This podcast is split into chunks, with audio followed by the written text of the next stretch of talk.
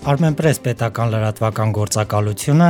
Հայաստանի հանրային ռադիոն, Հայաստանի Հանրապետության վարչապետի աշխատակազմի ազգային փոքրամասնությունների կրթամշակութային կենտրոնի կազմակերպչական աջակցությամբ ներկայացնում են Հեքիաթ միասին նախագիծը։ Նախագծին մասնակցում են Հայաստանի 11 ազգային համայնքների երեխաները։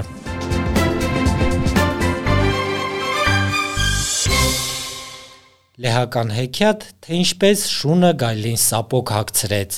Ներկայացնում է Հայաստանի Լեհական համայնքի փոքրիկ ներկայացուցիչ Նարե Ստեփանյանը։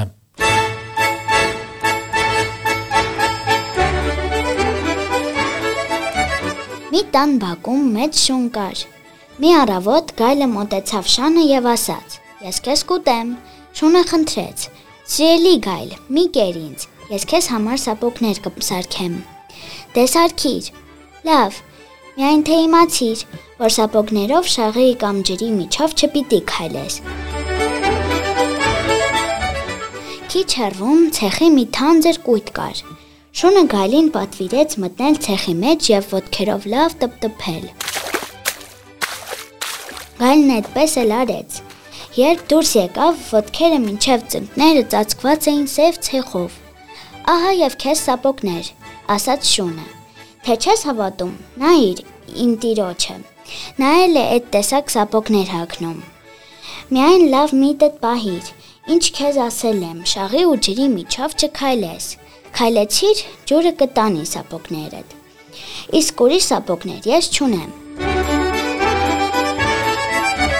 Գալը լսեց շանը, պարկեց եւ տեղից չէր շարժվում։ Այդպես անցավ 1 օր, 2 օր, երրորդ օրն արդեն այնպես սովածացավ, որ փորը 6-6 էր անում։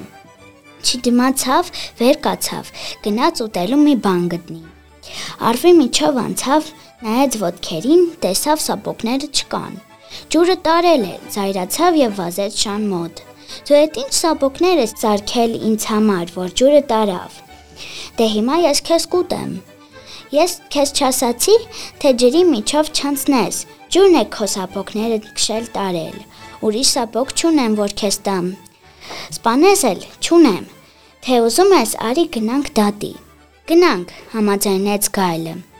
Ճանապարհին Գայլը իրեն օգնելու կանչեց Արչին ու Վարազին, իսկ Շունը Կատվին ու Ակլորին։ Այդպես գնացին, Արջևից գայլը, հետո արջն ու վարազը, իսկ նրանց հետևից շունն իր օկնականներով։ Գայլը արջի ականջին շշնջաց. «Մրթմրթան, դու բարձրացիր եղևնու վրա»։ Իսկ վարազին թե խաշամի մեջ մտիր, լավ ծածկվիր, որ չերևաս։ Քիչ հետո շան հետ ինքներս դատ կանենք։ Հենց շունը գա, ես նրան կբռնեմ, դուք տեղներդ սուս մնացեք։ Եթե չկարողացա հաղթել, այդ ժամանակ ինձ օգնության հասեք։ Երեքով նրա հախից կգանք։ Շունը գալիս էր եւ չգիտեր թե գալն իր դեմ ինչ դավեր է նյութել։ Նրա ետևից վազում էր ակլորը։ Ակլորի ետևից կատուն։ Ակլորը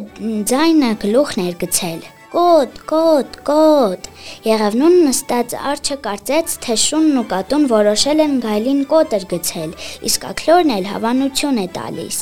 Կատուն գնաց, գնաց եւ պոչը վեր տնկեց։ Արջը վախեցավ եւ գայլին ասաց. «Էհեյ, գիտես որ բաններս բուրդ են։ Տեսնում ես ոնց են նիզակը տնկել։ Կա չկա, մեզ ցից են հանելու»։ Այդ միջոցին վարազը խաշամի տակ պոչը շարժեց։ Կատուն տեսավ եւ կարծելով, թե մուկ է, ցածկեց, որ բռնի խաշամի միջից վարազի տնկված պոչը։ Վարազը ճղրտաց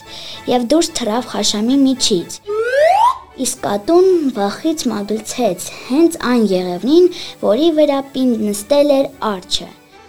Սա կարծելով, թե կատուն արդեն վարազի վերջը տվել, հիմա էլ իր ետևից է գալիս։ Բարձրացավ եղևնու կատարը։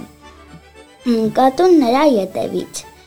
Արջն արդեն բարձրանալու տեղ չուներ։ Կարչեց եղավնու կատարի բարակ ճյուղերից եւ թրմփած գետնին ու բուկ փախավ անտառ։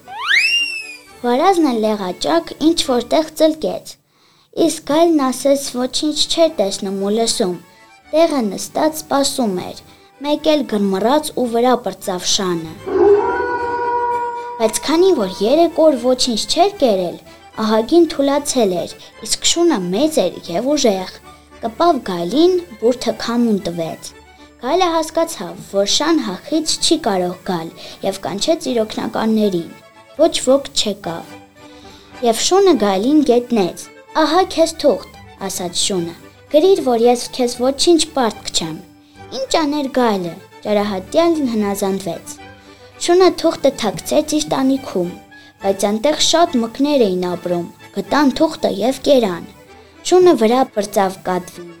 թե ինչու մկներին չի քշել։ Կատուն ընկավ մկների ետևից, նրան սևը տվեց։ Այդ ժամանակվանից էլ գայլը միշտ չարացած է շան, շունը կատվի կատոն մկների վրա։